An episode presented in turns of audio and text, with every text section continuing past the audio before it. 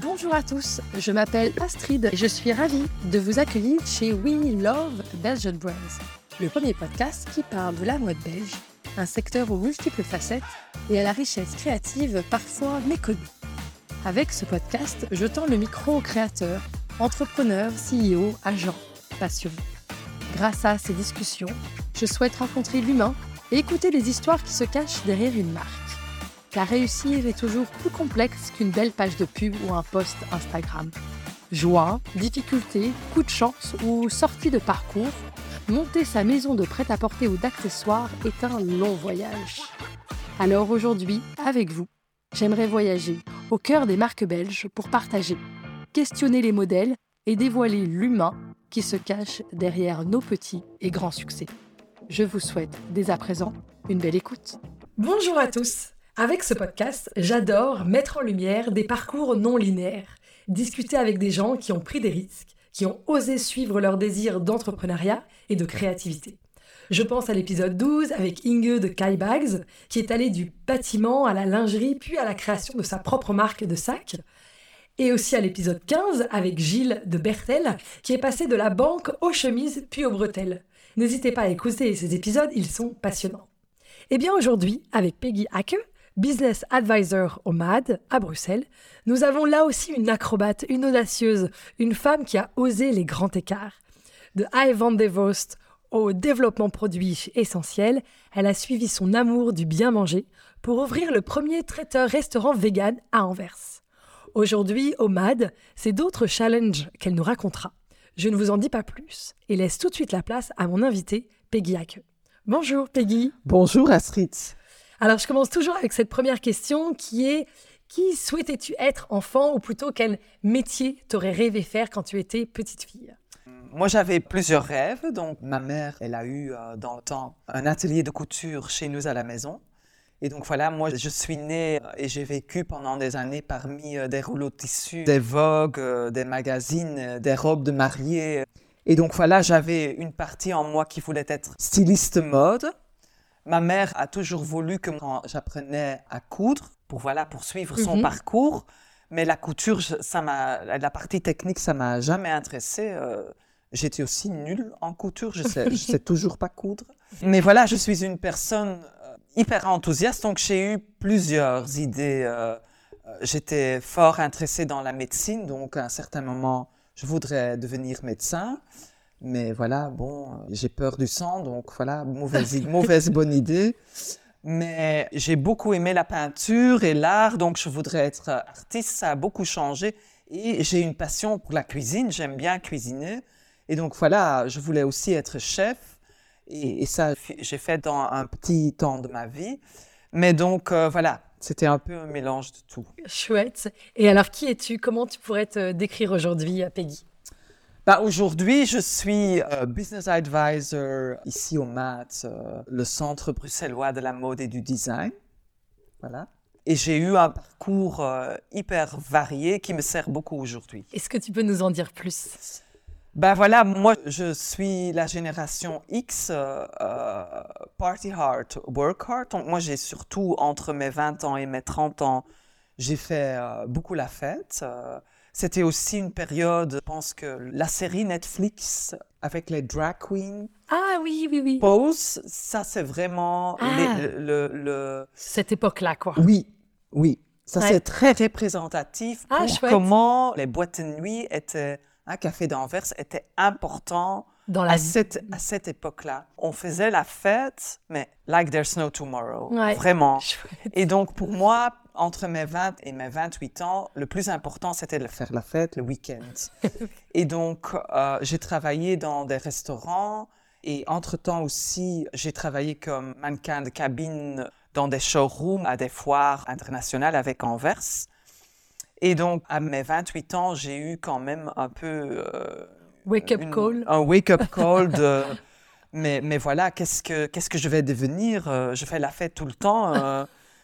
Et donc là, voilà, c'était un peu une alarme et, j'ai appris un peu à comment fonctionne un ordinateur parce que je ne le savais pas et euh, j'ai pris des cours euh, Word et Excel. Cool. Et finalement, euh, Anne-Philippe de Eiffel de Vorst, voilà, c'était un peu dans mon... Ils, venaient souvent manger où moi je, travaillais. Et c'est des gens aussi qui sortaient beaucoup. Donc, euh, un jour, ils m'ont invité pour aller avec eux euh, à Paris pour présenter leur, euh, leur première collection. Et donc, c'était plutôt, tu peux aller avec nous en tant que mannequin de cabine. Et si on a beaucoup de clients, toi, tu sais aussi écrire un bon de commande parce que tu sais comment ça fonctionne. Et donc, c'était un succès de fou dès, qu'ils ont présenté leur collection. Et moi, j'ai écrit des, bons de commande avec eux. ils sont retournés euh, à Anvers. Et voilà, c'était beaucoup de travail pour tout, gérer tout ça. Ils m'ont engagé. Et comme ça a commencé mon aventure euh, dans la mode. Cool. Qui a quand même. Euh, c'était un très long parcours dans la mode quand même. Et, et je suis toujours là-dedans. Et euh, voilà, j'ai travaillé sept ans chez eux en différentes fonctions. J'ai commencé un peu en administration, puis euh, je m'ai occupé des ventes, organisation, showroom. J'ai aussi travaillé sur l'organisation du défilé avec euh, l'agent de presse dans le temps Cookie de Salverte. Et finalement, j'ai évolué en développement de collection et production. Et là, voilà, j'ai vraiment trouvé euh, que euh, le, développement de produits, c'est vraiment ma passion. Et voilà, euh, il y a 9-11 qui est arrivé et à F1 Divorce, ils avaient 40% de leur chiffre d'affaires en Amérique. Ça a été catastrophique. Ils ont dû virer beaucoup de gens. Et voilà, moi, j'ai commencé à travailler après chez Véronique Branchino en tant qu'assistante créative. Et là, voilà, j'avais quand même euh, découvert que voilà, moi, j'avais mes limites parce que j'ai jamais eu de formation stylisme. Et voilà, euh, ça sont des vrais créateurs qui commencent d'un concept euh, à, des créations. Et là, moi, j'ai trouvé ça très difficile. si tu n'es pas formé en tant que styliste, c'est quand même difficile d'être assistante créative. voilà, j'ai quitté Véronique je suis retournée chez AF1 de Vorst où j'ai travaillé sur la lingerie. La lingerie, c'est un, monde très à part. C'est lié à la mode, mais c'est pas la mode. C'est hyper compliqué parce que au niveau technique, les soutiens-gorge, c'est un cauchemar. Ouais, j'ai toujours entendu ça. Oui. Et, au niveau des références, du coup, c'est. Oui, et aussi ça commence à bien fonctionner à partir quand tu commences à vendre des cubes D. Ouais. Mais c'est très compliqué euh, parce que cela veut dire que tu dois faire. Euh, c'est vraiment comme ça, c'est 70 A, B, C. C'est ça. Il y a plein, plein de au Niveau, au niveau de production, c'est presque impossible. Et aussi la teinture de tout, parce qu'il y a beaucoup plus de fournitures dans un, soutien-gorge, dans, dans, dans, un manteau. Hein. Ouais, ouais, ouais, c'est incroyable. C'est incroyable, c'est hyper, hyper difficile. Après deux ans, euh, voilà, moi j'ai aussi senti qu'il voulait arrêter parce que c'était pas viable du tout. Et là, moi j'ai quitté AF1 de Force pour aller travailler pour la première fois dans ma vie dans une boîte euh, corporate chez Levis, qui était dans ce temps encore euh, à Bruxelles, tout près de l'ULB, et dans le département de développement du 501. Incroyable quand même. Ouais, c'était hyper intéressant parce que voilà, corporate, c'est énorme comme boîte. Et donc, ce qui était quand même intéressant, et j'ai appris beaucoup au niveau de euh, gestion de data en développement parce que c'est énorme. Ouais. Et donc, c'est bien parce que là aussi, moi, j'ai appris à analyser la data. Le problème, c'était que j'étais bloqué dans, dans des fichiers Excel. ça. Et pour moi, bon. Il n'y avait plus de créativité, il y avait après plus. trois ans, je pouvais plus des fichiers d'Excel parce que on était, j'étais pas assez sur le produit et pour moi, ça ça n'allait pas. bien sûr. Donc j'ai quitté Levis, qui à l'heure actuelle n'est plus à Bruxelles, même plus en Europe. Donc euh, uniquement, euh, bon, je, veux dire le, développement. Oui, oui. Le, département développement était en Turquie. Et voilà, euh, j'ai commencé à travailler chez Essentiel, où j'ai resté longtemps super bonne expérience, très chouette équipe, euh, très chouette produit. Euh, ouais. Ouais, c'est super. Euh, et voilà, les créateurs, le binôme Inge Tom, c'est canon. hein. Ouais. Mais je suis tombée très malade. Et à la base de la maladie, c'était des, des al- des, euh, allergies alimentaires. Mhm. Et ça a bousculé un peu ma vie parce que voilà, qu'est-ce que je vais manger? Et là, euh, j'ai découvert la cuisine végane. Et pour quelqu'un, une passionnée de cuisine comme Ouais. moi, moi, j'ai découvert. Allez, ça a ouvert des, des possibilités et des nouvelles choses à, C'est chouette de le voir comme ça. oui, à essayer que voilà, euh, je me suis rendu compte qu'en fait, euh, c'était là en 2014 que à, à Anvers, il n'y avait rien. En Belgique, il y avait très peu de vegan. Et voilà, je suis, après mon absence euh, de trois mois, je suis retournée euh, chez Essentiel. Et voilà, c'était difficile parce que j'étais absent pendant longtemps. Donc, il n'y avait plus de place pour moi. Mhm. Et pour moi, c'était l'opportunité. euh, c'était Ouais. comme, voilà, c'est une signe que Ouais. Il faut que je me lance. je euh, dois me lancer parce que ça a toujours été quand même quelque chose. Quand tu aimes bien cuisiner, je pense qu'il y a beaucoup de gens Oui. qui, qui, qui, qui rêvent de un jour, euh, Ouais. euh, on peut s'épanouir dans la cuisine. hein. Bien sûr. Donc, et voilà, moi j'ai la- j'ai lancé en 2015 Carotterie 2000 au centre d'Anvers, un traiteur végétalien. Et ça a cartonné euh, et j'ai beaucoup appris. J'ai beaucoup appris de cette expérience que j'ai ensuite euh, fermée en 2019. Et donc le 31 janvier 2019, j'ai j'ai fermé. Et euh, le 1er avril 2019, j'ai commencé à travailler euh, chez le MAT, où je suis toujours, et j'adore, j'adore mon boulot. C'est cool. Et qu'est-ce que tu as appris euh, Après, tu vas nous parler du maths parce que c'est passionnant ce que tu y fais. Mais qu'est-ce que tu as euh, appris de ces expériences précédentes et notamment de cette expérience entrepreneuriale avec Carotterie Oui, j'ai beaucoup appris. Donc, j'ai appris que quand je regarde en rétrospect, déjà dans le business plan, ce que je n'ai pas bien fait, c'est que je n'ai pas fait un benchmark de mes concurrents correct. Mhm. Je me suis comparé avec des sandwicheries et euh, des traiteurs ou des restos qui, qui préparent des salades pour le lunch. Et je ne me suis pas comparé avec, euh, par exemple, quelqu'un qui commence de zéro, qui, qui va vraiment faire tout à la base, allez, qui, fait parce que, par exemple, il y a très peu de restaurants qui font encore leur propre mayonnaise. Moi, je faisais une véganaise. Et donc, c'était tout 100% frais tous les jours. Et voilà, donc la marge, elle doit être beaucoup plus importante Ouais. de quelqu'un qui va acheter tout chez un grossiste et qui, en fait, Bien sûr. Fait des, des sandwichs hyper simples. Et du coup, tu n'avais pas comparé en fait ton produit final et ce que tu proposais avec les bons concurrents et du coup, tu avais mal positionné ton prix, c'est ça? J'avais mal positionné et j'avais mal calculé, donc parce que Ouais. au niveau des marges qui sont employées euh, dans l'ORECA, il y a des marges. Moi, en fait, moi, j'allais dû prendre, employer les marges d'un restaurant qui est plutôt déjà dans le culinaire. Mhm, mhm. Et donc là, les marges sont beaucoup plus importantes. Bien sûr. Et aussi, ce que moi, j'avais pas. euh, Normalement, les restaurants qui sont ouverts le soir, ils ont beaucoup de revenus de- des vins, de- des alcools. qui Oui, bien sûr. Et tu n'avais pas ça. Et à midi, il n'y a personne qui, commande une bouteille de vin. Donc voilà, tout cela. Et, et- et voilà, moi, je, je suis com- commencé avec une marge qui était beaucoup trop petite. Et le problème, c'est la frustration, c'était que ça cartonnait, mais j'étais seule et j'avais pas les moyens pour employer des gens. J'avais besoin de deux personnes à côté de moi. Et donc, tu as pu changer tes prix un peu?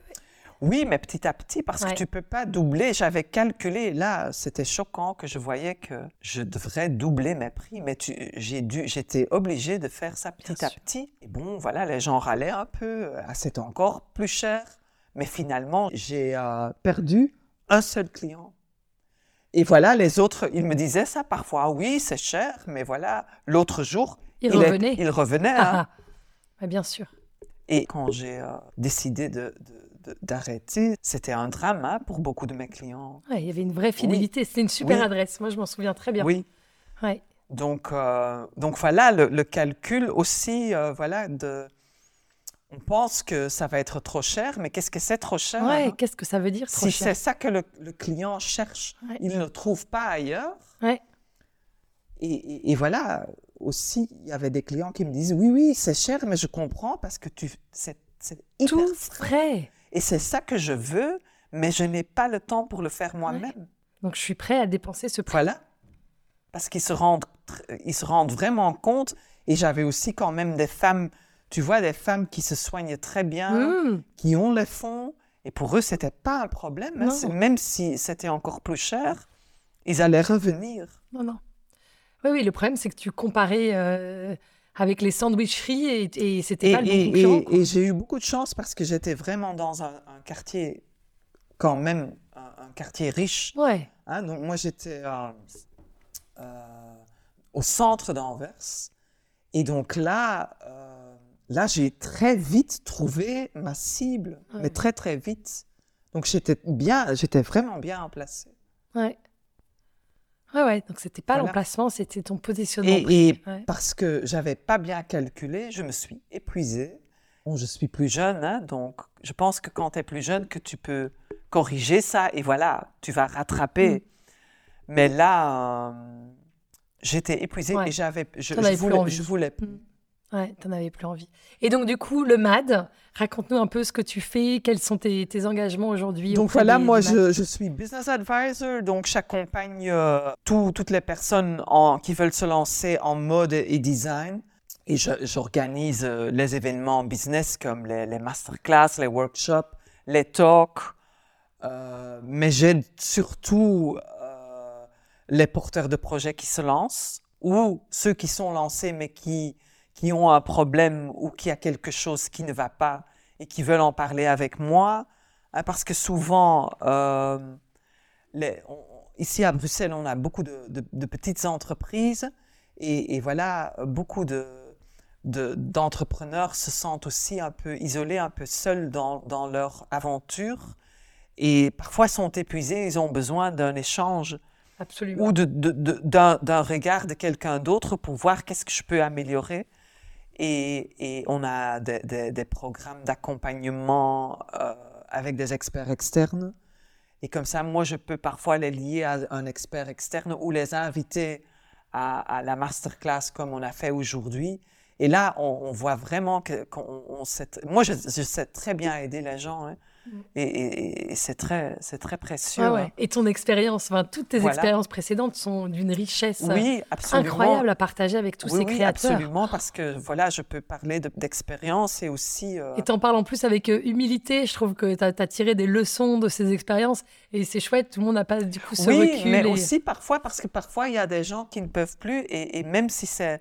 Ouais, c'est tu ce jamais que- un échec, hein, Non. parce que, on, voilà, le faillite, ou, Ouais, on en parle, c'est un peu tabou, Ouais. mais en fait, il y a aussi un vie après. hein. Ouais, ouais, ouais. Et quel apprentissage, quelle Oui, école, voilà. quelle école de la vie.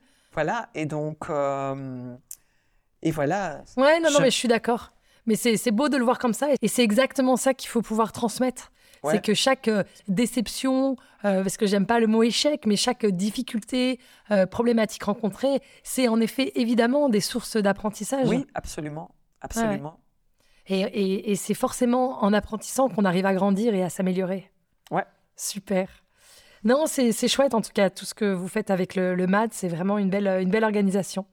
Avec ce podcast, comme tu sais, je parle de la mode belge. Euh, comment tu la définirais? Est-ce que tu aurais plusieurs mots pour décrire la mode belge selon toi Oui, parce que la, la mode belge, elle est très large. hein. Mhm. Euh, on, on a beaucoup de beaucoup de, de sociétés en mode, beaucoup de créateurs. On a on a du classique, hein, Delvaux, euh, Nathan. On a on a du commercial, Ouais, bien sûr. Euh, Essentiel, Ouais, euh, Belle Rose. ouais, absolument. Euh, mais on a aussi, et pour- ça pour moi c'est la mode belge, c'est tous ces jeunes entrepreneurs qui sortent de l'académie d'Anvers ou de la Cambre, qui sont deux écoles qui sont hyper, hyper bien. ouais, Hein? Marine Serre, la Cambre, Mathieu Blasi, le creative director de euh, Bottega Veneta, la Cambre, et puis tous ces jeunes qui, qui sortent de l'académie d'Anvers, c'est incroyable. ouais, Et pour moi, ça c'est la mode belge, c'est tout cette créativité, ouais, ouais, cette richesse-là, Euh, ouais. euh, la Mhm. mode très pointu, euh, l'expression hyper créative et hyper, euh, hyper personnelle. Euh, moi, je trouve ça très. allez, j'aime ça beaucoup, hein, comme par exemple Leoneke Derksen Mhm. de Leo by Leo, une, une- une vraie collection Millennial et Gen Z Ouais. qui a, qui a des codes qui sont beaucoup différents que, que, que, que comment, comment moi je vais me, m'habiller euh, au quotidien. Euh, mais qu'on voit que ça, c'est quand même des générations autour de nous qui voient les choses différentes. Et moi, je trouve ça passionnant de, de voir, ah voilà, ça c'est vraiment une esthétique différente, que, mais qui est hyper intéressant et Ouais. que, que moi j'arrive à comprendre et à voir où, où il y a le potentiel. Ouais, ouais, Et c'est ça que moi j'adore dans la mode belge. Cette modernité, en fait. Oui, hein. Je oui. suis tout à fait d'accord. Et, euh, et ben justement, parmi toutes ces personnes inspirantes que tu rencontres, est-ce qu'il y a des, des femmes euh, ou des hommes d'ailleurs à qui tu penses et que tu souhaiterais écouter à mon micro? Oui, moi je pense tout de suite à Myriam Bakhti. Mhm. Euh, sa marque s'appelle Bakhti Myriam. Et c'est une jeune femme euh, d'origine euh, marocaine qui, voilà, qui a grandi ici en Belgique et qui a, qui a vraiment réussi à, à exprimer euh, la créativité euh, de, qui fait origine en, en- en le caftan marocain, mais qui a aussi euh, toute son expérience de vivre en Belgique et ça l'a influencé, Ouais, évidemment, évidemment. évidemment, et qui a trouvé le juste product mix, je trouve, de voilà.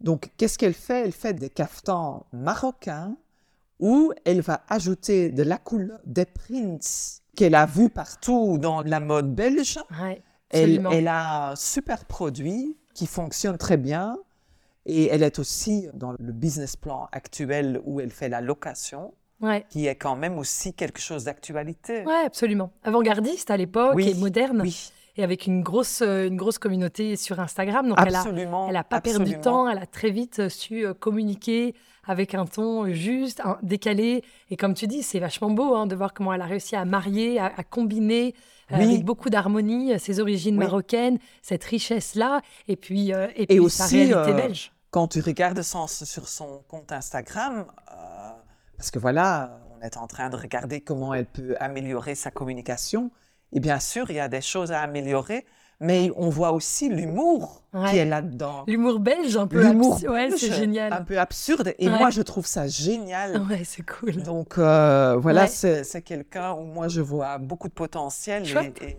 Bonne, euh, bonne idée. Myriam euh, Bakhti, c'est B-A-K-H-T-I. Oui. Et Myriam, M-Y-R-I-A-M.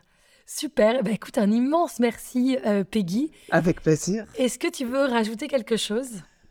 Bah, euh, je voudrais ajouter un. Comment tu dis en, en- français euh, Une citation. Une citation euh, venant d'Inde.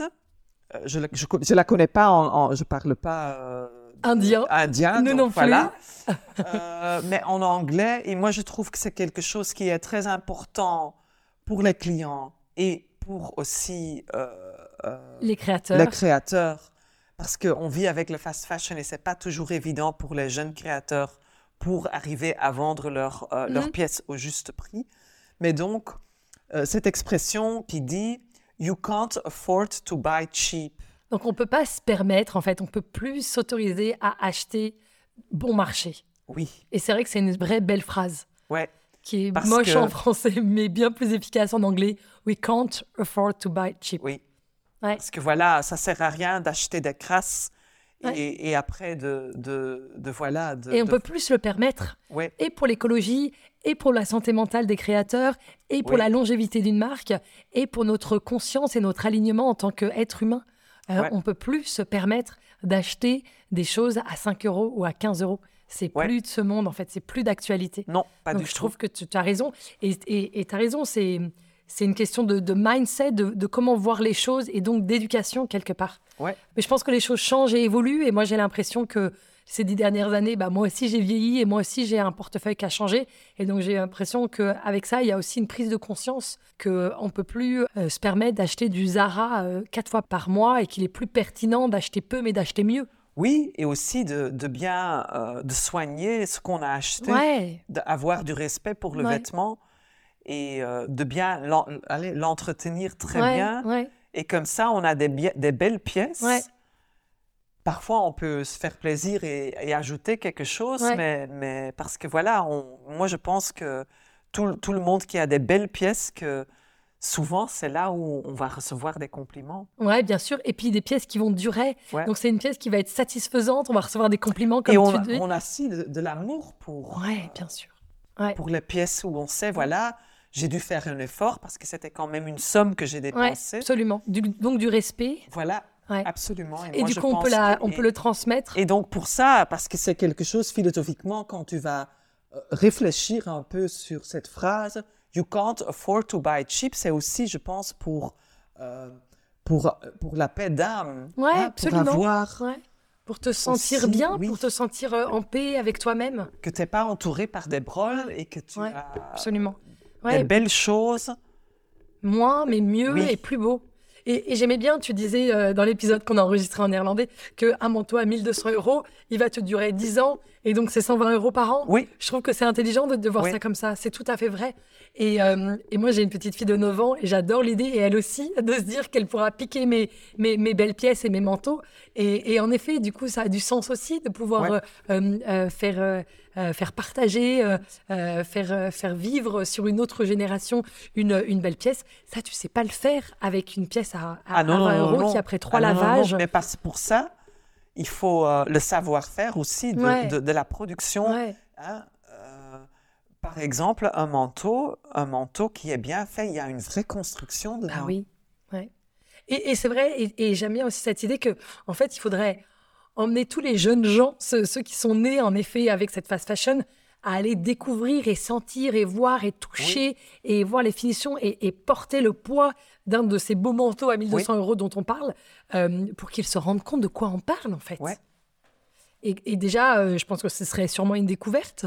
Et, voilà, et donc du coup, euh, c'est une découverte qui pourrait être jolie. oui, moi j'ai un, un, manteau, un long manteau de Burberry, de Burberry Person. Et quand moi je le prends, quand je le prends pour, le mettre, je tombe. C'est un énorme poids parce que c'est dans un Harry Street. Ouais, je vois très bien. Tu vois, donc déjà la matière, elle est, elle est, je vois très bien. costaud. Ouais, moi j'ai une cape comme ça aussi de Chloé qui est hyper lourde et tu sais, qui tient super bien la pluie. C'est aussi des, des très très belles euh, matières. Et euh, comme le, manteau de de Burberry, c'est un Harry Street, ouais, c'est 100% laine. Ouais, c'est canon. Ça tient chaud hein, pendant l'hiver. Super. Et eh ben écoute, un grand merci Peggy et euh, longue vie euh, à la mode belge et aux belles pièces euh, qu'on affectionne toutes les deux. Avec plaisir. Merci beaucoup d'avoir écouté cet épisode jusqu'au bout. J'espère qu'il vous a plu. Et si c'est le cas, je vous invite à le partager et à le noter de 5 étoiles car ça m'aidera beaucoup à le faire gagner en visibilité. Si vous avez des personnes à me proposer, des projets à mettre en lumière, des questions à poser, n'hésitez pas à me retrouver sur ma page Instagram, oui, underscore, love, underscore, Belgian, underscore, brands. Et je vous dis à dans 15 jours pour un prochain épisode.